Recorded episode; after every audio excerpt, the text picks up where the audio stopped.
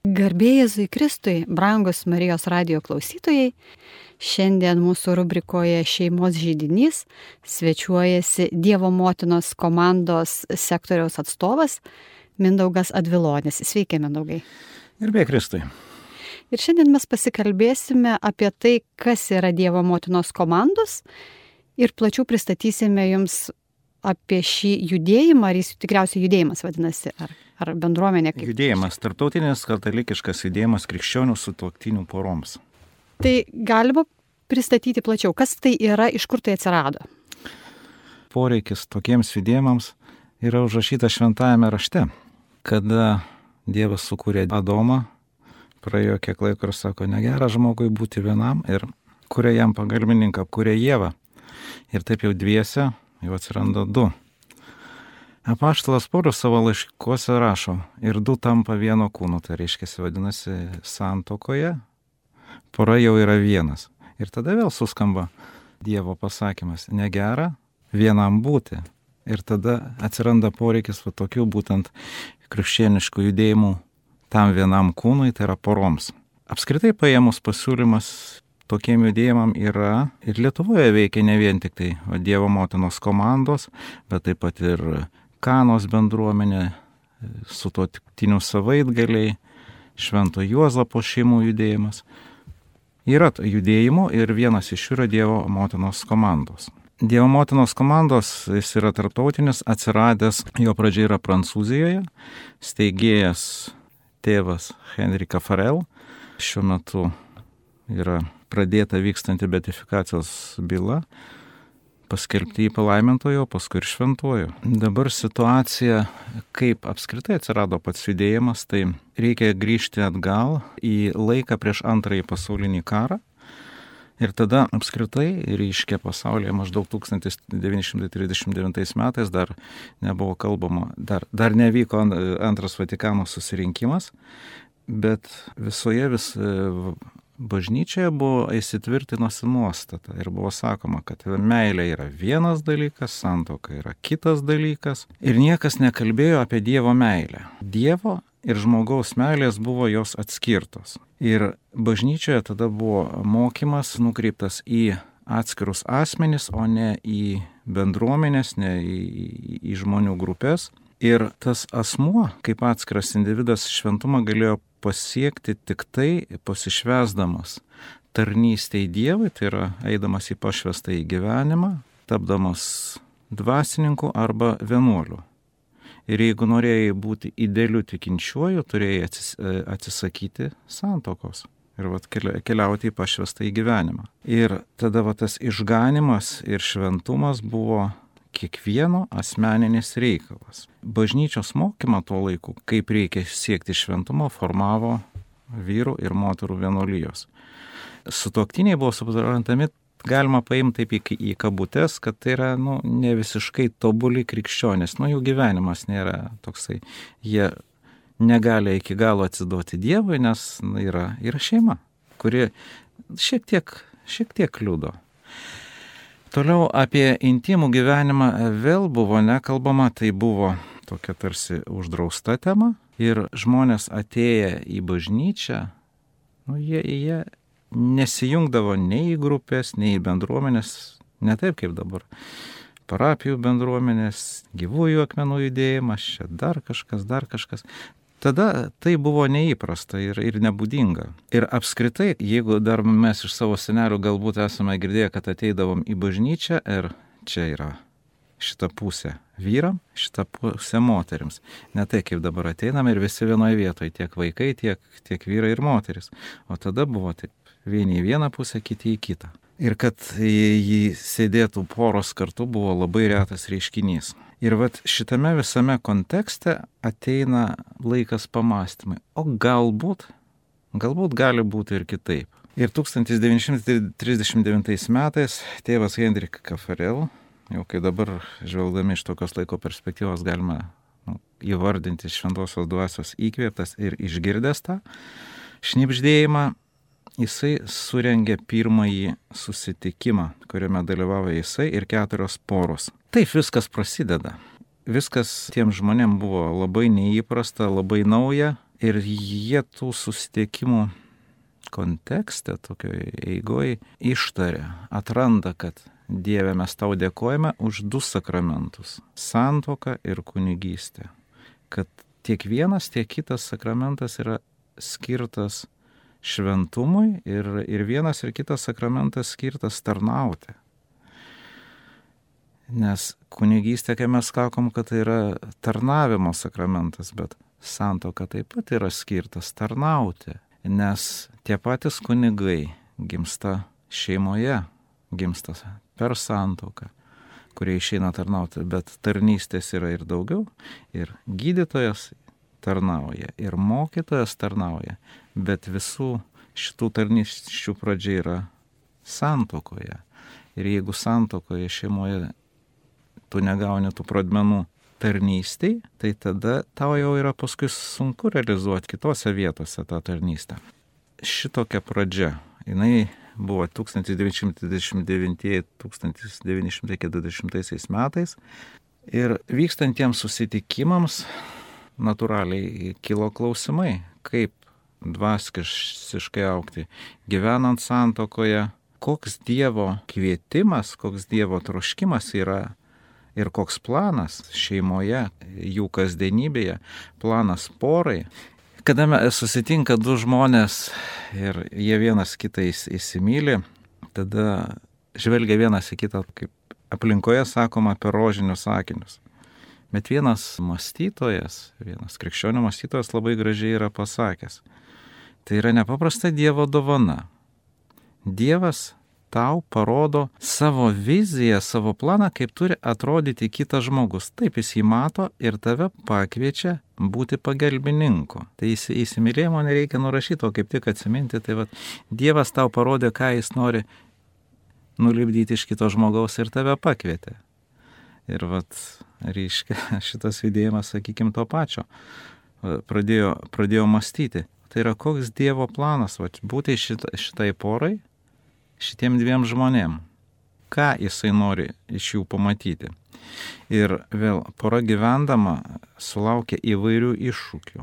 Ir natūralus klausimas, kaip į tuos iššūkius atsakyti krikščioniškai, nepasiremiant psichologiją ar socialiniais mokslais, bet būtent krikščioniškai. Ir, ir tie patys krikščioniški iššūkiai, dabar šiuo laikotarpiu tie iššūkiai šeimai, ir, ir krikščioniškai šeimai yra ypatingai didelė. Ir ką va ta pora, ką ta šeima turi daryti, kaip jiem gyventi. Ir tada kokia yra maldos reikšmė einant tuo tikėjimo keliu. Kokia gali būti savitarpio pagalba, va šitokioj kryptyje, būtent tikėjimo kryptyje.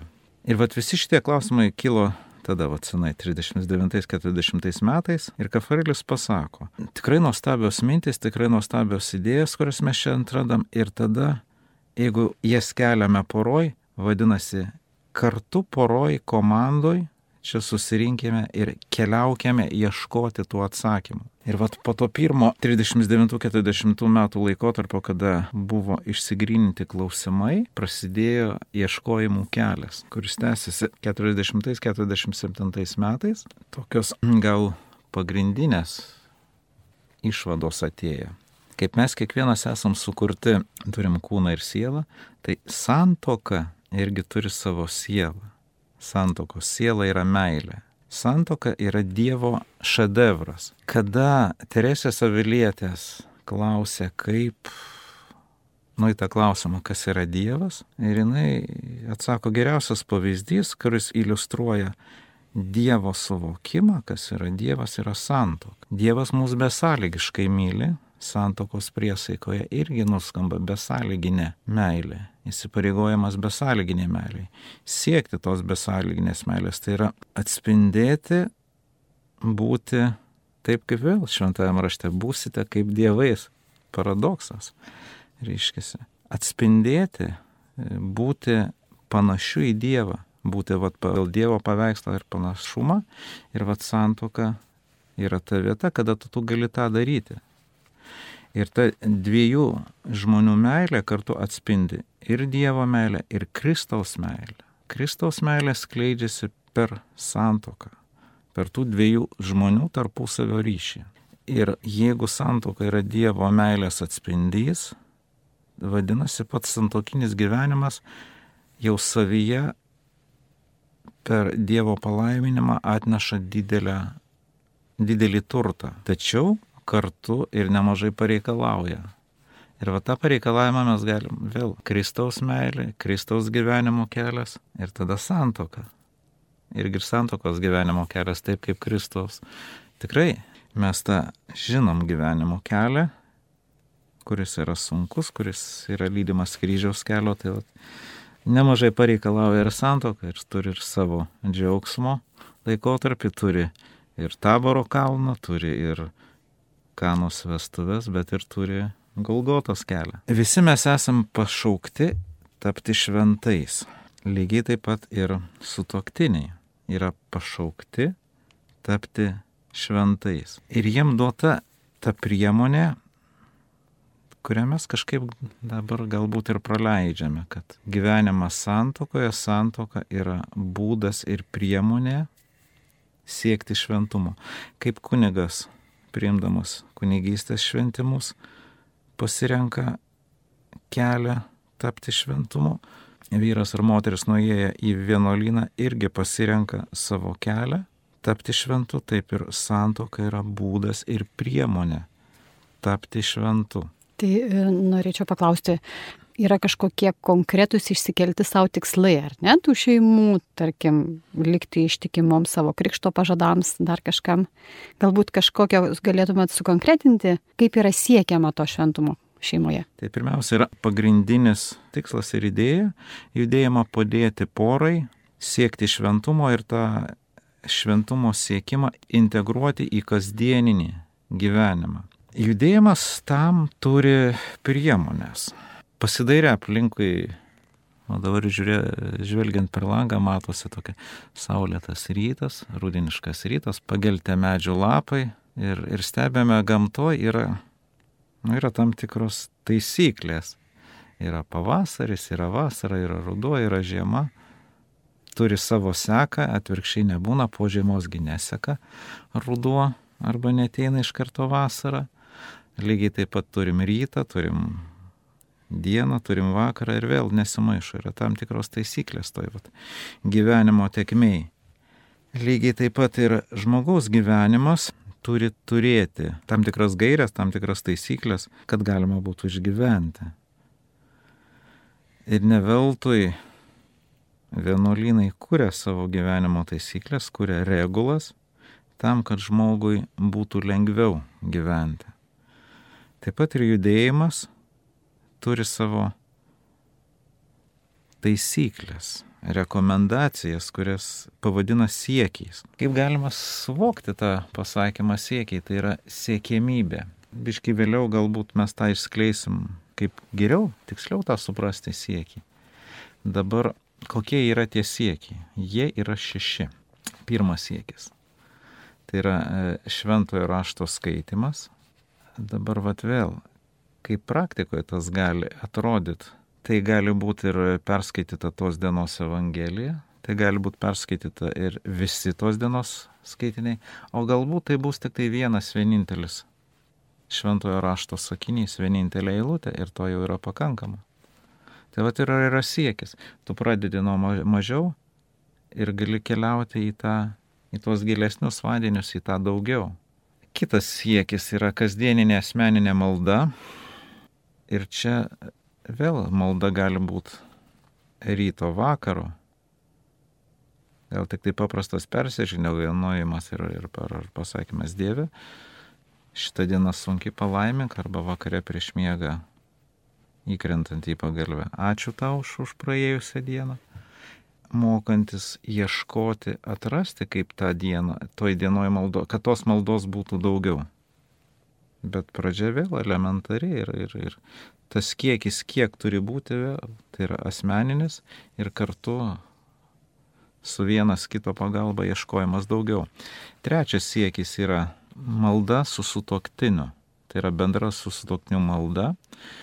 Jeigu įmanoma visos šeimos, bet laikas eina, vaikai iškeliauja ir Taip kaip ir pradžioje buvo du ir lieka du.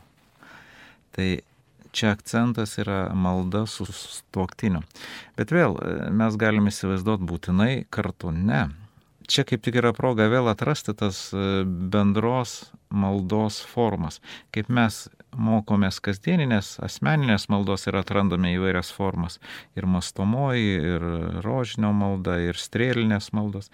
Lygiai taip pat ir su sutoktinio maldos formas mes atrandame. Kartu nueiti adoraciją maldą, kartu būti mišiuose malda, kartu melstis vienas už kitą, kada, tarkim, vieno laukia sunkus darbas padaryti ar iššūkis, o kitas per atstumą meldžiasi Vis tiek tai yra malda, vienas už kitą, tai yra, galima sakyti, malda kartu. Toliau ketvirtas siekis, tai yra jis vadinamas prisėdimas. Mm, kitaip pasakius, tai yra tarpusavio pokalbis, vienas pokalbis su vienas su kitu viešpatės akivaizdoje. Pokalbis pagal tam tikras taisyklės. Tai reiškia, jisai prasideda malda, baigėsi malda yra apibrieštos temos, kurios yra reikalingos pasie, e, paliesti, tai yra e, šeimos gyvenimas, socialinis gyvenimas, dvasinis gyvenimas ir intimus gyvenimas. Toliau šitam dialogė, šitam pokalbėje yra išsikalbėti, išsisakyti, kas skauda ir ieškoti tarpusavio sprendimų, o ne vienas kitam baksnuoti, tu va šitaip, šitą negerai darai, aną negerai darai. Bet tai yra kas skauda, kas, kas, ką mes galėtume keisti ir kaip mes tą galėtume daryti be teisimo, be moralizavimo ir kartu į visą tai pakviečiant viešpatį. Penktasis siekis yra mėnesio taisyklė, tai yra sutarimas, ką tą mėnesį galima padaryti, kad tiem dviem žmonėm gyvenimas būtų gražesnis. Tai ne kažkas ypatingo, pavyzdžiui, nueiti vieną kartą per mėnesį ar vieną kartą per savaitę kartu išgerti kavos. Ar pagaliau koinę sudėti tvarkingai į vieną vietą. tai nėra kažkas ypatingo ant gamtinio, bet tai, kas padeda tai porai, tiem dviem žmonėm būti laimingesniem ir šiek tiek gyvenimą gražiau turėti. Ir šeštasis siekis arba šeštoji taisyklė tai yra kartą per metus dalyvauti netrumpesnėse kaip dviejų dienų rekolekcijose. Tai galima padaryti ir kartu, tai galima padaryti ir atskirai. Svarbu tai, kad būtų dalyvavimas. Tai va tokios pagrindinės taisyklės. Ir kaip sekasi jomis vadovautis, ar turit kažkokių patirčių jau? Kaip vyksta susirinkimai, gal geriau papasakokit, ir ar jūs ten dalinate savo patirtimis, kas vyksta, kokiu periodiškumu, ar, ar jūs susitikinėjat? Jo, dabar ryškia, tai čia yra va, taisyklės, kurios yra skirtos porai. E, dabar, norint kalbėti apie tai, kas vyksta per susitikimus, reiškia, reikia vėl truputį grįžti atgal ir, ir pakalbėti plačiau. Ekip Venotardam, tai yra Dievo motinos komandų judėjimas, jis, kaip ir jau minėjau, yra kilęs Prancūzijoje. Jį galima apibriežti tai santokos sakramentą prieimusių porų ir kunigų tarptautinis judėjimas, padedantis sutoktinių poroms pilnai išgyventi santokos sakramentą. Dievo motinos komanda sudaro nuo 5 iki 7 porų ir kunigas. Dabar komandoje kunigas, mes įpratę kunigą matyti kaip dvasinį vadovą. Tai judėjime komandoje kunigas yra kaip narys. Jis nėra tas, kuris vadovauja, veda kažkur. Taip, jisai pagal savo sakramentinį pobūdį ir, ir pagal savo išsilavinimą laimina, šventina, vat kas yra reikalinga poroj, taip pat jeigu iškyla teologiniai ginčiai ar, ar diskusijos, ar, ar kažkokie klausimai, va šitoje vietoje jisai turi tas, kuris atsako į tos klausimus. Vis, visais kitais atvejais jis yra lygiai toks pat pilnateisis narys. Ir va šita komanda, šitos penkios, šešios, septynios poros, kiek jie sudaro, turi kas mėnesinius susitikimus. Negera būti vienam. Tai ir va tada tos e, poros e, susitinka tam, kad pasidalinti, kaip per tą mėnesio laikotarpį jiems sekėsi keliauti toje siekių kelionėje, taip kaip sekėsi būti kartu ir taip ir pasidalinti. Susitikimas turi irgi savo struktūrą. Jisai vyksta prie pietų stalo, nes, nu vėl pasižiūrėkim, kaip apie Jėzų buvo sakoma, ai, tas, kuris valgo ir geria. Vadinasi, valgymas yra kažkas daugiau negu vien tik tai paprastas maisto prieimimas. Eucharistija vėl tai yra vakarienė, tai yra sėdėjimas prie stalo ir valgymas. Ir gal apskritai mes galėtume kalbėti apie valgymo teologiją, kad valgymas nėra paprastas dalykas, bet yra, jis turi savę kažką ir, ir daugiau. Ir vat susitikimas vyksta prie stalo, valgant ir sukasi keli ratai. Pirmas ratas tai yra kaip tai porai ar tiem dviem žmonėm praėjo tas mėno, kokie įvykiai, kas atsitiko. Tai gali būti ir dvasinės kelionės įvykiai, tai gali būti kažkokie ir socialiniai įvykiai. Tai tiesiog gyvenimiški įvykiai, bet žvelgiant per va, tą tikėjimą, per dvasinę prizmę. Kitas ratas yra pasidalinimas siekiais, tai kaip sekėsi vat, šitas taisyklės įgyvendinti.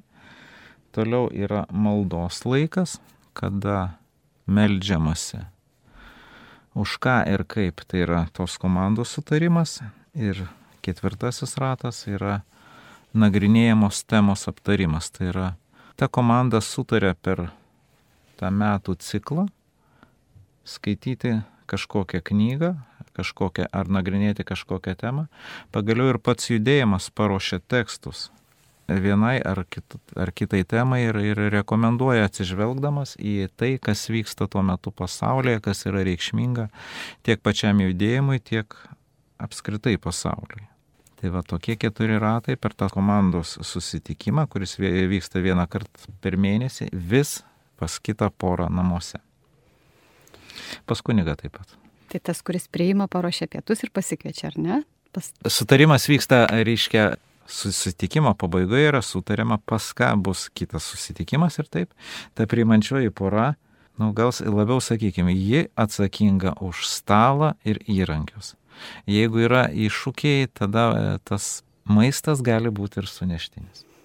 Įvairiai gali būti. Tai vėl, kiekvienas nėra standartinės situacijos, gyvenimas nėra juodas ar baltas, jis yra spalvotas. Tai va čia irgi viskas yra marga. Kiek dabar turit Dievo motinos komandų Lietuvoje, kiek jų yra, kokiuose miestuose? Jau aš dabar suklystu, bet ar 26 ar 27 komandos yra.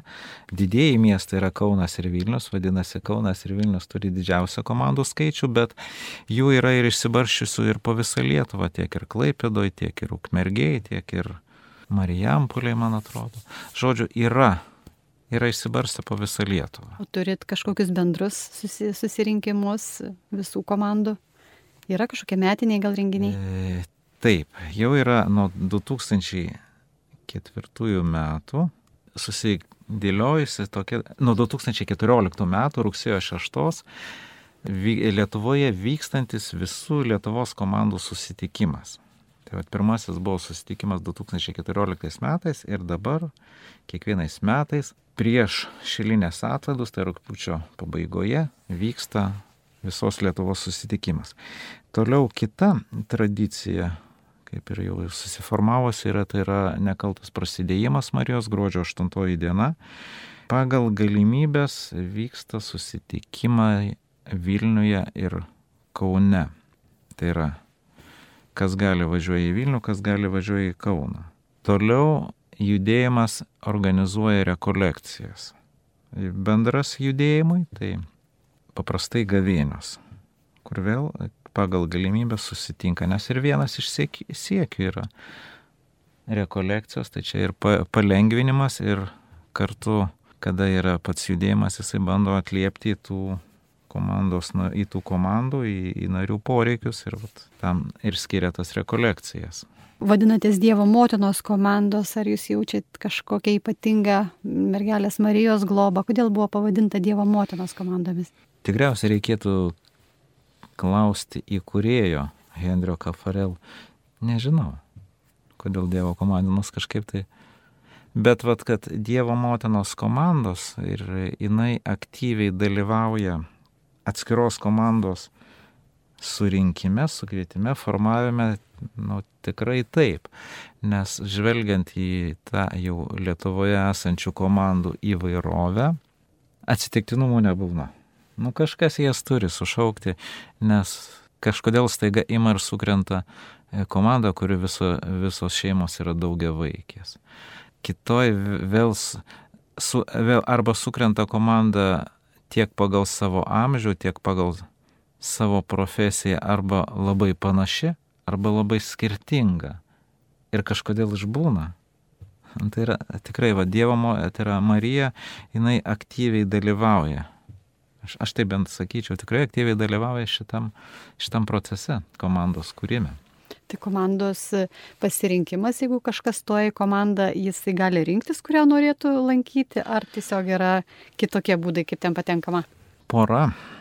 Gavosi, pora gavosi informaciją ir sužinojusi, kad egzistuoja tokios komandos, yra kontaktiniai duomenys, kontaktiniai telefonai, elektroninio pašto adresai arba pagaliau gali būti susitikimas arba pristatymas ir išgirdusi, kad tai tokia egzistuoja, kreipiasi į atsakingus judėjime žmonės ir kadangi pas juos sukreipia, e, tai yra suplaukia visa šita informacija, va čia viena pora, yra čia antra, čia, čia, čia, čia ketvirta ir tada sako, va yra jau tiek porų, va mes žinom kunigą ir jūs rinkitės, jūs susitikit, jau taip ir atsiranda komanda. Tačiau komandos yra, yra dinamiškos. Kai sakoma, gyvenime visko atsitinka, yra poros, kurios išeina ir komandos mažėja. Tada tos jau komandos nutarimu jos sprendžia, nori priimti porą ar nenori priimti.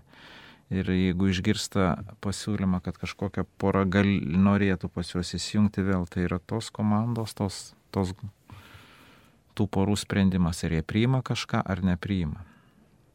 O kas gali dalyvauti komandose, kokios poros? Pora turinti santokos sakramentą. Čia pagrindinis kriterijus, kitų nėra. Na, tai aišku, katalikų pora dar. Kata, katalikai turinti santokos sakramentą, tai yra sąlyga.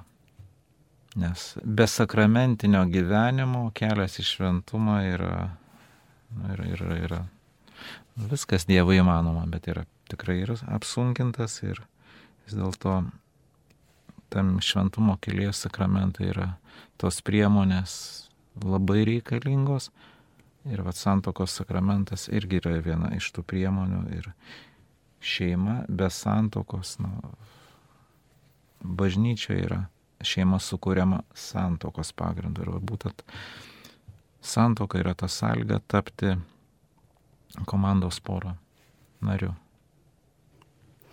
Tai e, iš jūsų de deklaruojamų tikslų, kuriuos pasiskaičiau tinklapyje pas jūs, yra savo gyvenimu liudyti Dievo meilę ir paskui perteikti Kristaus žinę pasauliui. Kaip jums tai sekasi? Tai yra labai asmeniškas klausimas ir kiekvienam. Kada mes kiekvienasgi savęs tapę krikščionimi, mes įsipareigojame ne tik gyventi, bet ir liūdyti ir skelbti Evangeliją. Ir tada čia tik tai tas klausimas, kad daryti ne vieną, o dviese. Nu negera, vienam tą skelbti yra sunku, čia tada dvie. Vienas kitam padedi ir tai yra vėl klausimas tai porai, kaip jūs tą padarote. Ir, ir tai, tai gali būti labai paprasta. Pasirūpinta vaikais, vaikai pasirūpinta šeim vienas kitu. Ir tai jau yra Kristaus skelbimas, kada vaikai mato tavo pavyzdį, tos e, sekmadienio mišių dalyvavime, e, maldoje tarpusavyje. Tarkim, Brazilijoje judėjimas yra atsakingas už porų ruošimą santokai. Pas mus Lietuvo šeimos centras, tarkim, vat, ruošia arba parapijose ruošia, tai vat, Brazilijoje pats judėjimas yra atsakingas už, už, už ruošimą santokai. Tai tas, kaip liūdyti ir kaip gyventi krikščioniškai, kiekvienas turim savo tą pašaukimą Dievas kviečia kiekvieną asmeniškai savo būdu lygiai taip pat ir čia galima perkelti. Kiekviena pora yra savito būdu, yra kviečiama tą daryti ir ta pora turi atrasti. Ne, vėl nėra griežtai apibriešta. Pats tikslas skelbti ir liūdyti Kristų. Kaip? Nu, tai Jėzaus reikia pasiklausti, kaip mums tą daryti. Ir vat judėjimas per tas priemonės ir, ir, ir duoda tą priemonę, įrankius. Nu, jūs pabandykit paklausti, atrasti save kaip siekti, kaip ir, ir ryškėsi Kafarelės yra pasakęs, pagrindinis Dievo komandos tikslas - padėti poroms siekti šventumo, tai yra skelbti, liūdyti Jėzų, nieko daugiau ir nieko mažiau.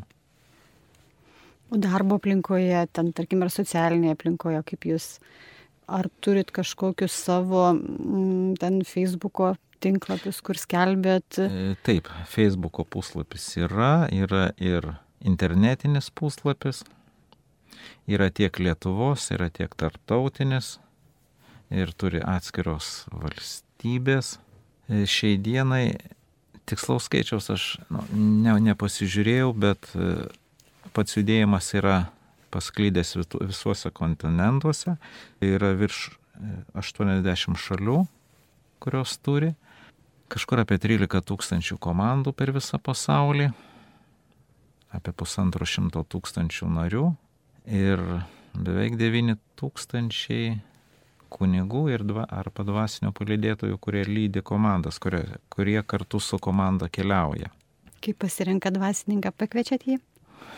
Atrasti laisvą kunigą yra iššūkis. Tai. Va, reiškia. No. Gal tinka ir sesės, ir broliai, ar tik kunigai? Kol kas kunigai nes, reiškia, kiekviena Dievo motinos komanda sudaro, kaip sakiau, keturios septynios bažnyčioje susitokiusios poros ir palydėtojas kunigas. Reiškia, dar tos komandos, dar pačiam tam susi, šiek tiek dar iš, iš tokio organizacinio gyvenimo, kiekviena e, komanda metus laiko moderuoja iš to komandos tarpo pakviesta pora, kuri yra atsakinga šiek tiek ir, ir koordinatorė, ir, ir informacijos perdavėja, tarpininkė tarp judėjimo sektoriaus tos komandos ir, ir, ir, ir pačios komandos. Tai vad, kas metus laiko nauja pora iš tos komandos yra tokia kaip ir atsakinga už organizacinius dalykus, už priminimą, pas ką vyks išsiaiškinimas, ar, ar kažkas komandoje porai atsitinka ir ar reikalinga pagalba, nu, pagaliau organizuoti kažkokius e, bendrus komandos renginius, tarkim, kai kurios komandos kartu keliauja vasarą su baidarėm, kitos rengia piknikus ir taip toliau. Tiesiog vat, tokia organizacinė pagalbininkų pora. Kokius turit bendrus planus, gal kažkokie yra numatyti ar, ar artimiausi įvykiai Dievo motinos komandų bendrojo kolektyvo viso? E, tai, vad kaip ir minėjau, tie pagrindiniai yra Šilovos susitikimas, Marijos nekaltas prasidėjimas, rekolekcijos, tai čia yra visiems bendras. Toliau vis tiek viduje vyksta ir nu, ta, ta struktūra turi, o tos atsakingos poros, joms vyksta mokymai, toliau yra poros, kurios pasima tarnystę eiti į viešumą ir nu, informuoti, kad egzistuoja tokie, toks judėjimas, vėl tų porų mokymai toliau ryškia. Dievo motinos komandas globoja taip vadinamos ryšių poros, kurios susitinka su tom komandom, kurios yra jų atsakomybėje ir klausia, o kaip jums sekasi, gal kažkokia būtent iš viso judėjimo, ar galima pagalba, reikalinga pagalba, kokie iššūkiai, kokie kaip tik atradimai yra, kuriais galima pasidalinti. Vyksta va tų ryšių mokymai, žodžiu, gyvenimas nestovi vietoje. Pabaigai laidos tada vis dėlto pasakykite tiems, kurie klausė, kodėl būtų verta jungtis. Ar, ar verta jungtis ir kaip tai reikėtų padaryti į Dievo motinos komandas? Pradžioje aš, aš, aš sakiau, kaip šventame rašte yra parašyta, kada Dievas sukūrė domą ir pasakė, negera žmogui būti vienam. Per santokos sakramentą du ta, tampa vieno kūno. Ir šitoje vietoje tikrai išgėvėl, tegul ta pora, ta šeima išgirsta, negera būti vienam. Ir apskritai mum vieniem mes esam socialios būtybės, vienam nesam tokie atskiri, mums yra reikalingas kitas. Lygiai taip pat ir tai šeimai, tai porai yra reikalingi kiti, tuo labiau degantis tom pačiom idėjom, gyvenantis tą patį krikščionišką gyvenimą, nes aplinka, aplinka yra labai antikrikščioniška. Labai. Ir tam, kad išbūti savo tikėjimą, iš, išbūti krikščioniškume, yra reikalinga ne vien tik tai sutuoktinio vienas kito pagalba, bet yra reikalinga ta platesnė pagalba. Ir va čia komanda yra ta, ta, ta vieta ir, ir tas, ta priemonė, kuri tą gali duoti.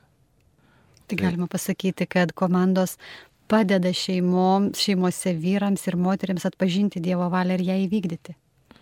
Be abejo, taip. Galime dar pasigirti, reiškia, mūsų judėjime yra ir kardinolas, ir viskupai, netgi du. Čia tikriausiai turėtų būti. Na, nu, paskatinimas. Paskatinimas. Kągi, dėkojam Dievo motinos komandos sektoriaus atstovui Mindaugo Adviloniui, kad apsilankė laidoje ir pristatė Dievo motinos komandas. Ir su šiuo judėjimu, su šitomis komandomis susitiksime dažniau, kartą per mėnesį turėsime šeimos žydinio rubrikoje laidas, kur jie papasakos apie savo veiklą, plačiau pristatys išsamiau, nuodugniau įvairius klausimus, įvairius dalykus, kurie galbūt rūpi šeimoms ir, ir labiau paskatins jungtis Tai dėkoju pašnekovui, jį kalbinau aš Marijos radio bendradarbė Violeta Gravrak. Sudiev. Sudiev.